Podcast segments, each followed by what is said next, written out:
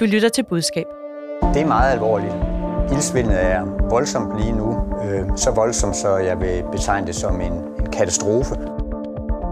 Det danske havmiljø har ikke haft det værre i over 20 år. Eksperter taler om en tragedie under havets overflade. Miljøminister Magnus Heunicke reagerede ved og indkaldte til et møde. Hvor længe kan Magnus Heunicke træde vande og samtidig kalde sig havets minister? Er det klogt at bruge aftenshowet til at begræde mængden af iltsvind? Kan en miljøminister overhovedet brande sig på at redde havene? Velkommen til Budskab, Fagblad Journalistens podcast, hvor vi også skal runde et dilemma fra en lytter. Og så skal vi tale om DSB, der sætter priserne op og til gengæld siger, at togene kører til tiden i 2030.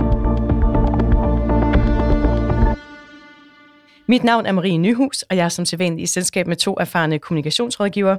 Det er dig, Karne Lykkebo, Group Managing Partner hos Gelmeiden Kise. Velkommen. Tak. Og så har vi dig med, Henrik Kjærumgaard, stifter af bureauet White Cloud og tidligere særlig rådgiver for Margrethe Vestager. Velkommen. Tak skal du have. Vi starter med at høre, hvor I helst eller nødigst vil være rådgiver i denne her uge. Karne, hvor vil du nødigst være? Jeg vil nødigst være øh, den person øh, eller personer hos Københavns politi, der øh, kom til at, at gå ud med, at der havde været sket et, øh, et dødsfald, øh, eller der var en, der var afgået ved døden efter et groft overfald i, øh, i Brøndshøj. Og så ganske øh, kort tid efter måtte komme ud og sige, nå nej, øh, personen er så ikke øh, død alligevel. Og så efterfølgende måtte komme ud og sige, men nu er personen død. Mm. Øh, ja, altså jeg skal sige, at jeg har talt med den presseansvarlige i Københavns politi om den sag, og de er selvfølgelig vildt kede af, at de kom til at gå ud og sige, at den 21-årige mand var død på et tidspunkt, hvor vedkommende altså ikke var død. Og det, de gjorde, det var, at de gik ud med en pressemeddelelse, hvor de beklagede. Der var et citat, øh, hvor de siger, en fejl som denne må ikke ske, og det undskylder vi for, og vi følger op på, hvordan det kunne ske. Øh, det var deres leder øh, af afdelingen for personfarlig kriminalitet, der sagde sådan. Hvordan synes, de, hvordan synes du, de håndterede selve fejlen? altså lægger sig ned og siger, at det må ikke ske, og nu prøver vi... Der er jo ikke, noget, altså, der er jo ikke nogen præcedens for, hvordan, hvordan, for, hvordan man håndterer en fejl, hvor man siger, at der er nogen, der er døde, som ikke er døde øh, alligevel. Der er jo ikke andet at gøre, end at, øh, at, at sige, det må ikke ske, nu undersøger vi det, så er det jo heller ikke vigtigere, men hold det op med, hvor det være en dårlig dag på, på arbejdet, særligt når politiet, kan man sige, deres officielle nyheder skal jo være officielle og rigtige. Øh, og, øh, og, og de er jo faktisk ret gode til også at bruge X, øh, som, som når det står der, og politiet siger det, så er det sådan, det er. Og så, øh, så gavner sådan noget her jo ikke. Mm. Henrik, hvad med dig? Hvor vil du nødigst være rådgiver? I øjeblikket. Mm-hmm. Der er mange steder, men det af dem er Region Midtjylland. Hvorfor? Jo, men det er fordi, du kan sige, at det, altså udover, jeg, vil, jeg tror, jeg vil sige, det er altid problematisk og udfordrende at være kommunikationsmedarbejder i regionerne, øh, fordi de grundlæggende bare er under pres, både økonomisk pres, og de er under pres for patienter, der ikke er tilfredse med behandling, og politikere, der ikke er tilfredse med, hvad de løser osv. Men Region Midt er jo øh, offentliggjort øh, en rapport her for nylig, hvor de øh, fortæller os, at øh, hospitalet i Aarhus, Skyby, og jeg tror også, det var Gødstrup, øh, de holder ikke helt deres budget per mm. 31. august. Mm. Det vil sige, at de er allerede nu ude at sige, at de på året, de nye sparekrav, der er lagt ned for at ramme budgettet, dem kommer de to hospitaler så ikke til at opfylde. Mm. Og det betyder så, at så skal man til at kigge på, øh, er der behandlinger, man kan udskyde, er der andre ting, man kan gøre, og det er jo, altså jo grundlæggende ikke noget, øh, man har lyst til at komme ud og sige, fordi det er jo grundlæggende, man kommer ud og siger, at den vare, som vi er sat i verden for at levere, den kan vi ikke levere. Fredag var der dårligt nyt om det danske havmiljø. Ildsvindet i danske farvande er det værste i mere end 20 år. Det viser en ny sørgelig rapport. Der udspiller sig lige nu en tragedie for livet under havet. Det viser en rapport fra National Center for Miljø og Energi. Her måler man løbende vandmiljøet herhjemme, og i september i år er den helt galt. Fagfolk og eksperter mener derfor, at der skal sættes mere ind over for udledning af gødningsstoffer og trålfiskeri, at det står skidt til med havene, det er langt fra nyt. Tilbage i august erklærede Miljøminister Magnus Heunicke på forsiden af politikken, at han vil være havets minister. I interviewet sagde han blandt andet, jeg har et løfte til mig selv om, at det ikke skal være sådan, at mine børn skal sige, far, hvad lavede du egentlig der? Hvorfor fik du ikke gjort det der? Og han sagde også i interviewet, at vi har en kæmpe opgave foran os, der haster. Karne, var det klogt at sige, at jeg er havets minister? Jeg ved ikke, hvad det er med de her socialdemokrater, der synes, de skal være minister for børn og have og så videre. Det gik jo ikke særlig godt for Mette Frederiksen, da hun ville være børnenes minister. Så blev hun jo hele tiden holdt op på det, hver eneste gang, der var noget, hun ikke leverede på. Og man kan sige, at nu vil Magnus Heunicke gerne være havets minister. Øh, han kommer til at blive holdt op på præcis det samme. Og det er jo et langsomligt øh, problem at, at løse. Så umiddelbart, så, så, er det jo en, så er det jo en fed overskrift, og det, der er masser og sympatisk, og masser af ens børn, og den verden, man vil give videre. Men jeg tror umiddelbart, hvis der er noget, han kommer til at stå og fortryde om halvandet år, når han ser overskrift nummer 33 om, han ikke lever op til at være havets minister, så tror jeg, at han måske vil ønske, at han havde formuleret sig anderledes. Hmm. Nu er havmiljø jo i den grad kommet på dagsordenen. Henrik, hvad betyder det i den forbindelse, at han har, han har erklæret sig som havets minister? Du kan sige, at jeg er enig i, Karne. Det er ikke, altså, det er sådan noget, der måske lyder fedt i øjeblikket eller momentet, men man skal passe på med at hæfte de der labler på sig selv. Altså, Øh, man skal også være en, en fodboldspiller af en vis kvalitet, hvis man vil sige, jeg bliver topscorer til VM. Altså, det er der meget få fodboldspillere, der har udtalt, før VM går i gang. Fordi du ligger et forventningspres på dig selv, og det er det samme. Det er så nemt at holde ham op, ligesom med Mette Frederiksen og, og hvad hedder det, børnenes minister, eller da Helle thorning Schmidt sagde, der kommer en god løsning i morgen. Altså, det er så nemt og målbart, og du kan næsten ikke komme i mål. Øh, og det vil sige, det, det kan godt være, at det lyder fedt, når du så forbereder det her interview og siger, yes, vi kan lave en, en catchy overskrift, vi kan få opmærksomheden, vi er havets minister, jeg kan sove det i, at jeg tænker på mine børn, jeg kan appellere til nogle følelser, men har du tjekket, om du kan løse det problem, du siger, du vil løse? Altså det øh, gør opmærksom på, at det er et parti, øh, som før, altså Magnus Heunicke tilhørte det parti, der før valget sagde, at vi skal forbyde trålfiskeri på store øh, områder i vores hav, fordi det ødelægger havbunden, og det ødelægger miljøet og som eftervalget sagde, ah, vi skal lige, vi skal lige snakke med de andre partier først, og det blev sgu... Det vil sige, han, han, altså, har man tjekket, altså det, det, min pointe er det her med, har man tjekket, om den position, man siger, man gerne vil indtage ved at være havetsminister, om man kan indtage den, eller som Karne siger, det der, det bliver 137 snubletråde, indtil Magnus Heunicke, at Brian Weikart bliver presset op i et hjørne og siger, okay, jeg er måske ikke 100% havetsminister. Men måske en å. Må, å. Måske for åerne. Måske vandløb, en, mindre en vandløb. Ikke? altså, eller som Jonathan Spang sagde, så det er Næstveds Poseidon. Ikke? Men, da Ildsvindsrapporten den kom i fredags, øh, så gik Magnus Heunicke ud med en pressemeddelelse, hvor han indkaldte, citat, en række eksperter og organisationer til møde, som skal sikre, at alle relevante værktøjer er i brug. Øh, Henrik, du har jo siddet i et ministerium og kender til det her med at skulle reagere på en kritisk øh, rapport. Hvad siger du til det greb at indkalde til et møde? Jamen, altså det, er jo, altså det sker jo tusindvis af gange, øh, og det, altså ministeren, altså Magnus Heunicke, ministeriet Miljøminister, de gør også ting lige i øjeblikket, hvor de ligesom finder nogle, nogle ting, der er aftalt og siger, nu går vi ud og gør det her. Er det en træde vande manøvre? I, det er et håb om, at journalisterne ikke helt når at afdække, at der ikke rigtig sker noget. Det er jo, for, det er jo ønsket om at vise handling, ikke? Altså det er sådan, jeg tror, det er Karne, der har den der handlingsforbandelsen, mm. ikke? Øh, hvad hedder det? Tak for lån, i mm. øh, Hvad hedder det? Øh, det er jo et udtryk om, nu prøver vi at vise noget handling, ikke, for at vise, at han er havets minister. Mm. Men du skal ikke krasse særlig meget overfladen, hvor du finder ud af, hvad sker der så på det der møde? Øh, kommer, sker der noget nyt? Øh, den der plan, der kommer øh, fra dem, at det, som i p i morges, der kørte de om, at, at nu Miljøministeriet kommer til en plan, der skal redde havet. Det var bare så, alt sammen ifølge de organisationer, der var ude og kritisere den, ting, der var aftalt i forvejen. Ikke? Altså man er nede i skuffen og hente gamle udspil, alt hvad man kan finde. Det er en klassisk manøvre, fordi man ikke rigtig kan gøre noget, og så er man tilbage til gæt, det skulle man jo have tænkt over, før man siger, jeg er havetsminister. Og Fredag var Magnus Heunicke med i en enkelt radioavis om, øh, om ildsvinds emnet her, men han havde ikke tid til nyhedsudsendelserne om aftenen. Vi har forsøgt at få et interview med Miljøminister Magnus Heunicke. Det har ikke været muligt. Ingen af miljøordførende fra regeringspartierne har haft mulighed for at stille op til et interview med TV-avisen i dag. Det samme gælder Miljøminister Magnus Heunicke. Vi har også i øh, flere dage forsøgt at få et interview med Miljøminister Magnus Heunicke, men uden held. Og ifølge Miljøministeriet så skyldtes øh, hans fravær i nyhedsudsendelserne, at han var til konference i Litauen. Mandag der stillede Magnus Heunicke så til gengæld op i aftenshowet, hvor han sad side om side med professor i havbiologi Stig Markager. Selvom vi gør alt, hvad vi kan Og det er det, vi er i gang med at gøre, og vi skal gøre endnu mere. Det er det, er vi to enige om. Mm. Og øh, jamen, så går det faktisk årtier, før vi har fået det genoprettet. Mm. Øh, øh, Men er du i det er jo, Ja, vi er i gang med det.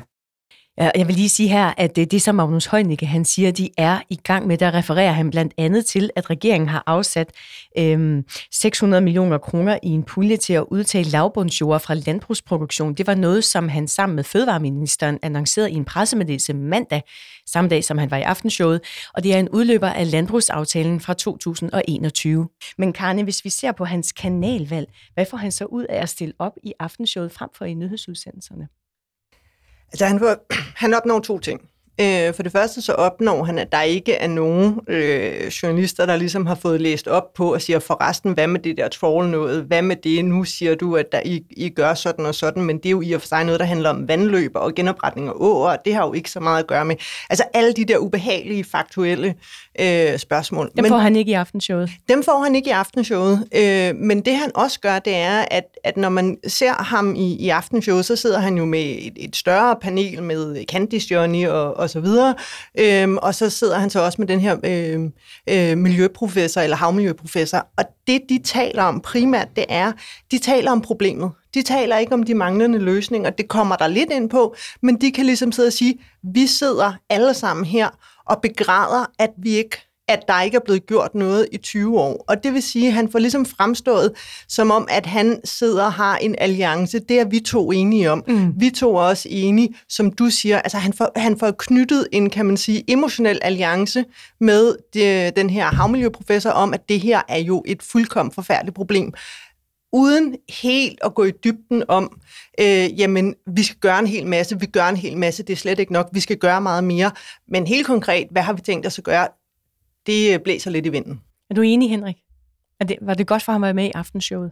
Ja, altså jeg vil sige, det, altså for år tilbage, der, der valgte man altid aftenshowet og lignende udsendelser, når man ville dodge store problemer og sidde en blød sofa. Det, det kan man sige, det vil de udsendelser så ikke helt have hængende på os over tid, så de er blevet mere kritiske, men de er stadigvæk ikke lige så kritiske som 19-nyhederne eller som at sidde i Deadline. Så, så på den måde, ja, ja, der får han noget ud af det. Øh, han kommer så til at sidde med en af dem, der kritiserer ham, altså øh, kritiserer ham stort set hver morgen i p morgen. Men lige i aftenshowet, der fik han så en vinkel, som Karne også siger, der gør, at, at, at de snakker mere om problemet og kunne være enige om det. Han sidder stadig tilbage med det der med, at øh, der er jo ikke så meget action, fordi at det er først om 10 år, man kan gøre, at man rigtig kan se resultaterne af det, man gør osv. Øh, så jeg synes ikke, altså man kan sige, det er måske der, hvor han kan sidde og øh, få mest skade. Øh, altså hvis man har sådan ligesom min søn spiller Fortnite, der er sådan et damage barometer, ikke? Altså, der ryger lidt af hans skjold. Men der altså bliver... hans troværdighed, eller hvad mener du med skjold? Altså, man, tager, altså man, man kan sige grundlæggende i de her dage, og det der også sker, altså man kan sige, vi har også glemt, om tre måneder har vi også glemt, at han ikke stiller op i nyhederne og alt muligt andet, men, men du, du tager noget skade på de der, øh, vi kunne ikke få fat i ministeren og så videre, for vi ved også, at det er, er, er lingo for, at de har en dårlig sag. Men, men til gengæld så opnår han altså det der med at sige, at lige nu så bliver problemet rigtig meget til et emotionelt problem. Altså vi føler, øh, at det, det er frygteligt. Hvad er det, vi mister? Vi mister, at vi kan gå ned med vores børn på stranden. Vi mister, at Candice Johnny ja. ikke kan fange fisk i, i Limfjorden mere. Altså det bliver ja. til sådan en fø det bliver til sådan en føleproblem. Men, men gør han det, fordi Stig Marker, han var jo ikke ligefrem uh, imponeret over uh, Højnikkes politiske tiltag. Prøv lige at høre, hvad han sagde i aftenshowet. Vi er nødt til at tage landbrugsjord ud af drift. Og den skala, det er, det er omkring to gange Fyns areal, eller 600.000 hektar.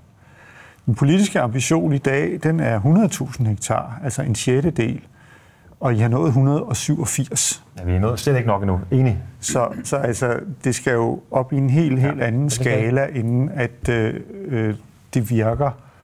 Hvordan klarer øh, havets minister sig over for havets øh, ekspert, hvis man kan sige det sådan? Jamen, jeg synes faktisk, han klarer det meget, meget fint. For det første, så tror jeg, at vi skal være meget tydelige på, at det er de færreste danskere, der ved, hvad en hektar er. Øh, så, så det her er jo øh, det her er jo mumbo jumbo på en eller anden måde, som, som folk sidder. Og det, der bliver det efterladte indtryk øh, fra min bog, det er, at Magnus Heunicke sidder og siger, det er vi fuldkommen enige om. Øh, Nå, okay, fint. Vil du så ændre de politiske ambitioner? Jamen, det opfølgende spørgsmål kommer jo så ikke. Øh, der kommer det og siger, det er vi fuldkommen enige om, vi skal gøre meget mere. Øhm, Henrik, er du enig i det? Han klarer sig fint over for havets ekspert. Nej, jeg, tror, jeg har det stadigvæk sådan, at jeg synes, han klarer sig... Altså, det er der, hvor han for mindst skade på... Altså, han får færre strisser. Jeg synes stadigvæk ikke, han gør det godt. Altså, fordi jeg synes også... Altså, det kommer også lidt an på, vi kan også sige, der er selvfølgelig er der masser af danskere, der ikke orienterer sig bredt i nyhedsstrømmen. Men den her sag omkring havets minister, og han ikke vil stille op, og det dårlige historie, den har kørt ret bredt. Så jeg tror, at han... Altså, det er der, hvor han kan stille op, hvor han tager, øh, trækker øh, hvad hedder det, for mindst vand i lungerne, eller hvad det hedder. Ikke? Men, men jeg synes stadig ikke, han gør det godt. Jeg kan godt se Karnes pointe med, at han, får, han prøver at få noget sympati og noget empati på, at, at han synes, det er et alvorligt problem, og vi skal gøre noget ved det. Øh, jeg tror, det kommer lidt an på øjnene, der ser. Jeg tror, for nogen, nogen, der vil være nogen, hvor det virker, og så vil der være andre, der bare vil sige, at altså, han er druknet. Øh. Magnus Heunicke var så i uh, Libert på TV2 News onsdag aften, og torsdag aften, der skal han i debatten på DR2. Hvilket budskab vil, vil du give ham med, hvis du skulle rådgive ham til at, at gå ind der og, og være troværdig som havets minister? Jamen, jeg tror, jeg vil, altså, jeg vil sige, det der skal til, der, når du har indtaget en position, som er svær opfyldelig, så bliver du nødt til at redigere i din position, uden at sige, det var forkert, jeg sagde det. Han kan sige... Så han skal bløde lidt op på, hvor jamen, meget han kan han jo for eksempel sige, nu har jeg jo været meget ambitiøs og sagt, at jeg vil være havets minister, og det mener jeg faktisk, men det er pisse svært, og det kommer til at tage tid. Han bliver nødt til ligesom at forventningsafstemme, og det er jo det, han har jo lagt en forventning ud der i politikken, som var ret stor, ikke? Hans børn sad derhjemme og græd, og han vil gerne huskes for at have reddet verden.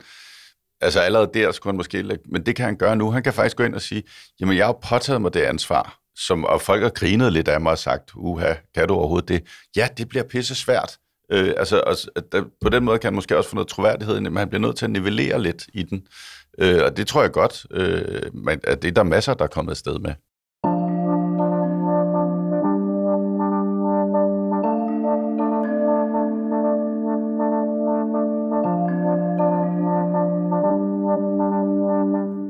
Vi har fået et dilemma fra en lytter. Hun arbejder som rådgiver i en større dansk virksomhed, hvor direktøren engang før hendes tid fik taget billeder af en landstækkende avis i forbindelse med et større interviews, interview. Her kommer et citat fra, hvad hun skriver til os. Da artiklen kom, blev han meget fortørnet over billederne. De var i sort-hvid og belyst på en måde, som gav ham meget store skygger i ansigtet. De var samtidig beskåret, så hans ansigt fyldte det hele, og de fik ham til at ligne en gorilla, for nu at sige det som det er. Øh, og det her det var altså før vores lytter startede i virksomheden, men så kommer det. Et stykke inde i min ansættelse fik jeg arrangeret et nyt interview med den samme avis. De valgte at bringe billedet igen, og direktøren blev stiktosset. Han tog det meget personligt og havde en klar opfattelse af, at avisen havde valgt at bringe billedet igen for at gøre grin med ham, parentes, til trods for, at det var en fin og færre artikel med strategisk gode budskaber. Derfor krævede han, at jeg ringede til avisen og krævede, at de slettede billederne fra deres arkiv, ellers ville han aldrig medvirke i et interview med avisen igen. Nå, Karne, det er jo avisens redaktionelle valg, om de vil bringe billederne eller ej. Så hvad vil du råde til i den situation? Vil du øh, ringe og sige, øh, kan I slette de her billeder, eller vil du prøve at forklare direktøren, at det er en dårlig idé, jeg ringer? Hvor står du hen der? Jeg tror, jeg vil tage et tredje valg.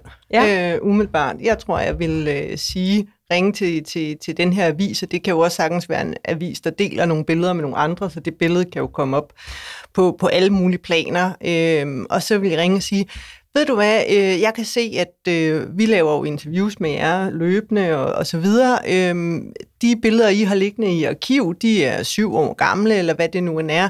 Øh, hvad siger I til, at vi laver et nyt interview om et eller andet? Øh, og så tager vi også lige en, øh, sørger vi også lige for at sætte tid af til, øh, til foto. Det tror jeg vil være øh, den vej, jeg vil gå ind, og så vil jeg måske på et tidspunkt forklare, direktøren, at det jo faktisk ikke er den samme, som laver interviewet eller beslutter interviewet, der vælger billedet. Det øh, sker øh, i en anden proces og forklarer ham, ham det. Men, men, men du får intet godt af at, at sige, øh, tro de der billeder ud, men til gengæld, hvis det ikke har andre, hvad skal avisen så gøre? Mm. Henrik, hvad tænker du, hvis det var dig, der skulle lave det kald til avisen og prøve at få dem til at slette billederne fra arkiverne? Det, det kan man jo ikke kræve af avisen. Hvad vil du, hvordan vil du føre den samtale? Jamen, jeg er enig med Karne. Altså, du bliver nødt til at sige til direktøren, at det kan ikke lade sig gøre. Øh, og, og der vil ikke komme noget ud af det, udover at du vil pisse en eller anden af på politikken. Mm, eller skade en relation at der. du skade en relation man siger, enten, da man, altså præcis som Karen siger, enten det interview, som man lige gav der i anden runde, der skal man jo sige, og i øvrigt øh, kan vi ikke også afsætte tid til nogle nye billeder. Der kan man også sige, at vi er ikke super begejstrede for de billeder, jeg liggende.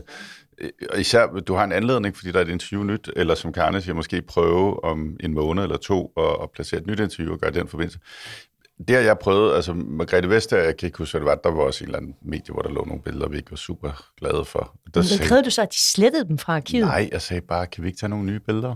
Mm. Øh, og så sagde de, jo, det vil vi helt vildt gerne. Vi tager en fotograf med.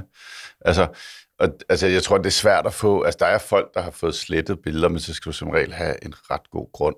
Øh, og det, der jo sker, det er, at de bliver ikke slettet. Der kommer bare til at stå på dem, at de ikke må bruges. Mm.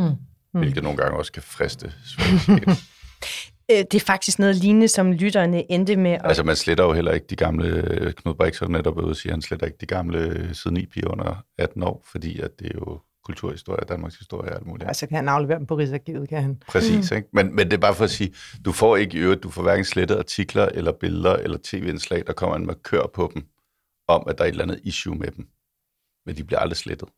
Men lad os lige tage med, at øh, lytteren også har skrevet til os, at hun er, det egentlig er uklart, om, øh, om billederne rent faktisk blev slettet fra arkivet, men hun skriver, ved næste interview stillede vi det til gengæld som et krav, at der skulle tages nye billeder, og det blev der. Jamen, man behøver ikke gøre det til krav, man kan bare komme med forslag. Forslag. Det behøver ikke være så hårdt. Tak til lytteren i hvert fald for at dele sit dilemma. Du kan også skrive til budskab, hvis du har et spørgsmål, eller måske et dilemma til eksperterne. Skriv til budskab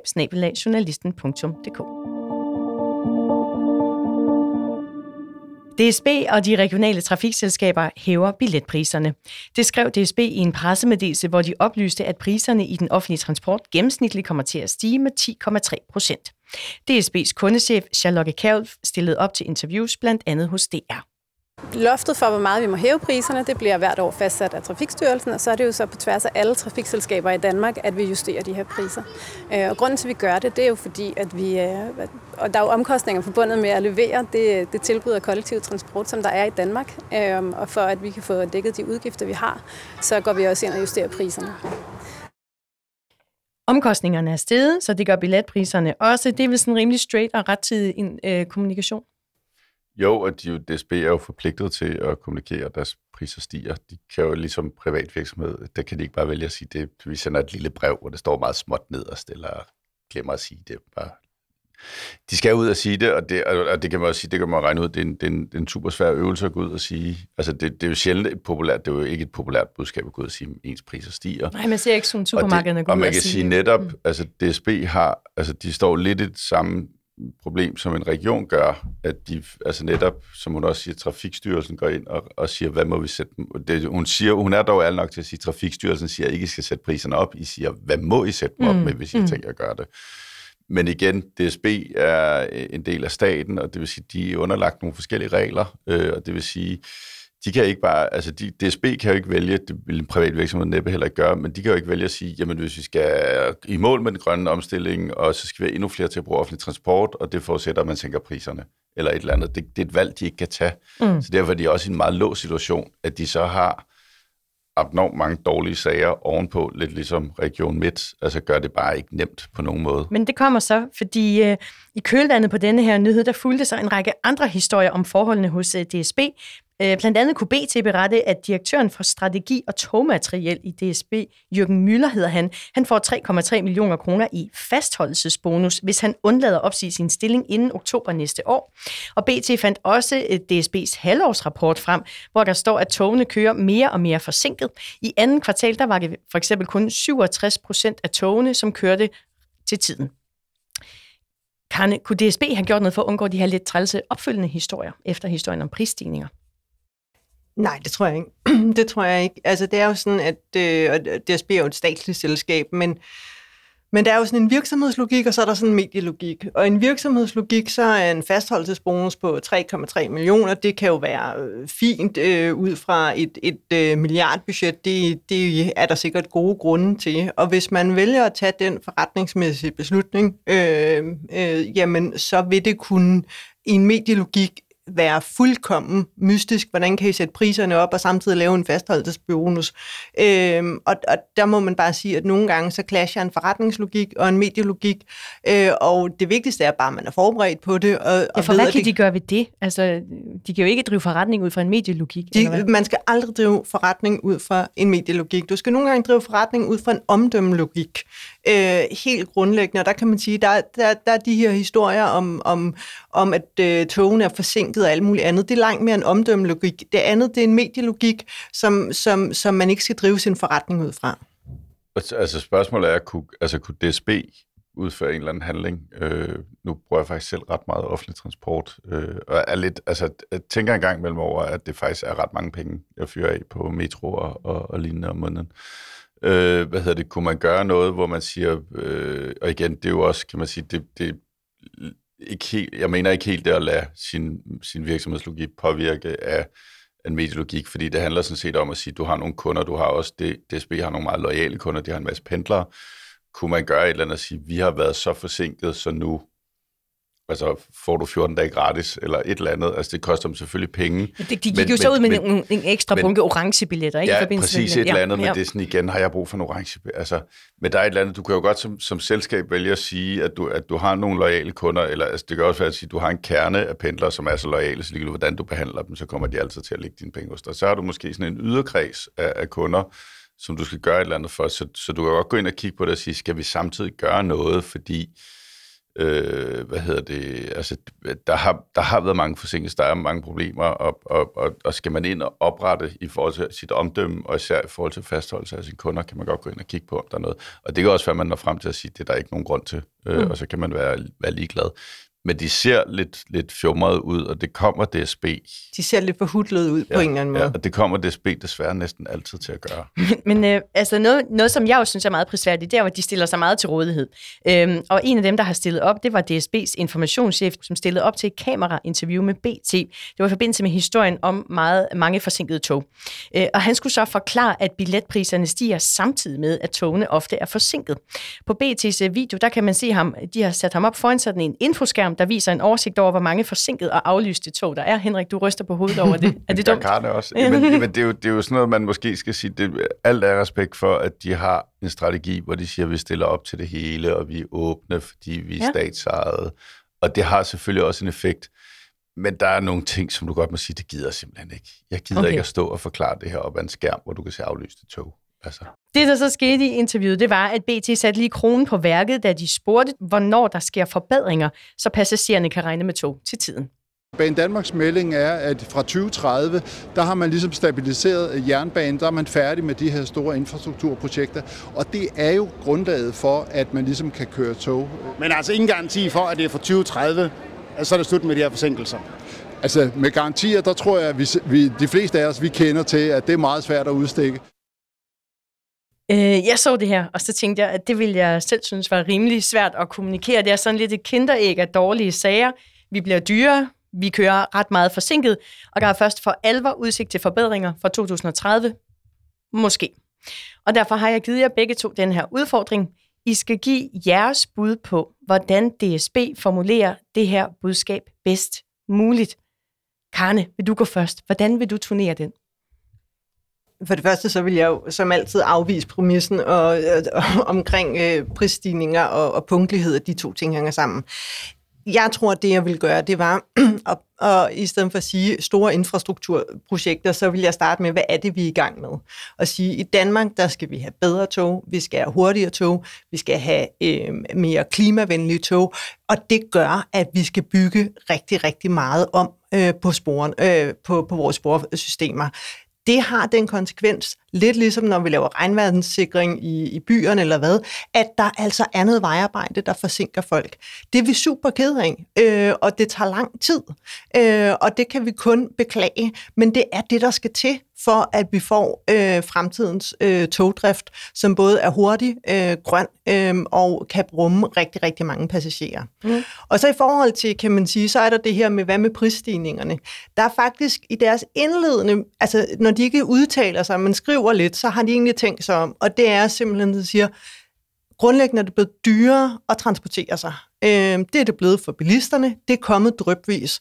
Sådan det fungerer i kollektiv øh, trafik, jamen der gør vi det på én gang. Så det vil sige, at hver eneste gang, at øh, bilisterne har betalt en lille smule ekstra over lang tid, der har togpendlerne øh, ikke betalt noget. Så kommer det hele på en gang, og derfor virker det selvfølgelig voldsomt.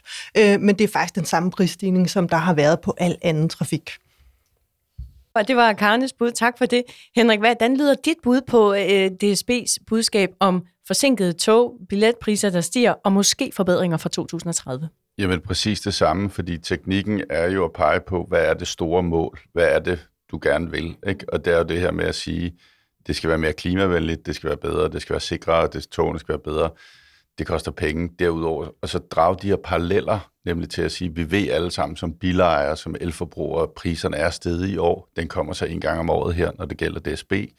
Øh, øh, hvad hedder det, to også, altså drage den her parallel igen og sige, vi kender det også fra andre områder i trafikken, at når vi hele tiden skal forbedre, når vejene skal være rare at køre på, når der skal være regnvandssikring, som du nævnte, så, så kræver det noget vejarbejde, så skal vi lige køre en anden vej. Sådan er det også øh, for DSB og for togsystemet, og det tager vi selvfølgelig højde for og planlægger efter, og bla bla bla. Så det her med at koble, altså både at sige, hvad er det store mål, så målet ikke bare bliver i har forsinkelser. Men er det ikke det, de gør, når de siger, at i Danmark nej, er i gang nej, med en masse nej, sporarbejde? Nej, nej, så, nej, så taler de internt. Ja. Så taler de ud for deres virkelighed. Infrastrukturprojekter, Bane Danmark, øh, jernbane, jeg forstår det ikke.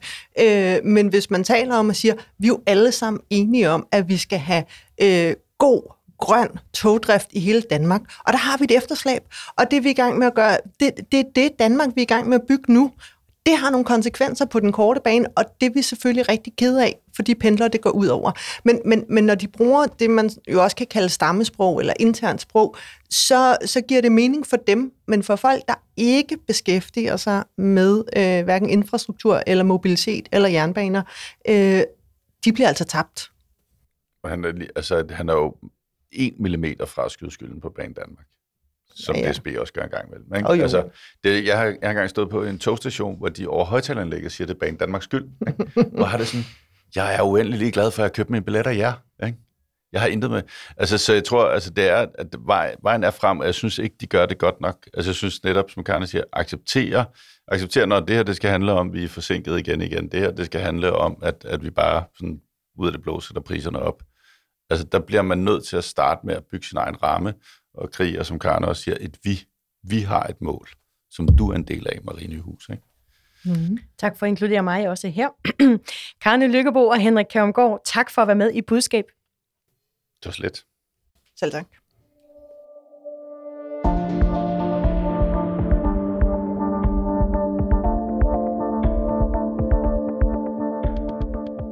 Du lyttede til Budskab, Fagblad Journalistens podcast om kommunikation. Mit navn er Marie Nyhus, og jeg er redaktør og vært på Budskab.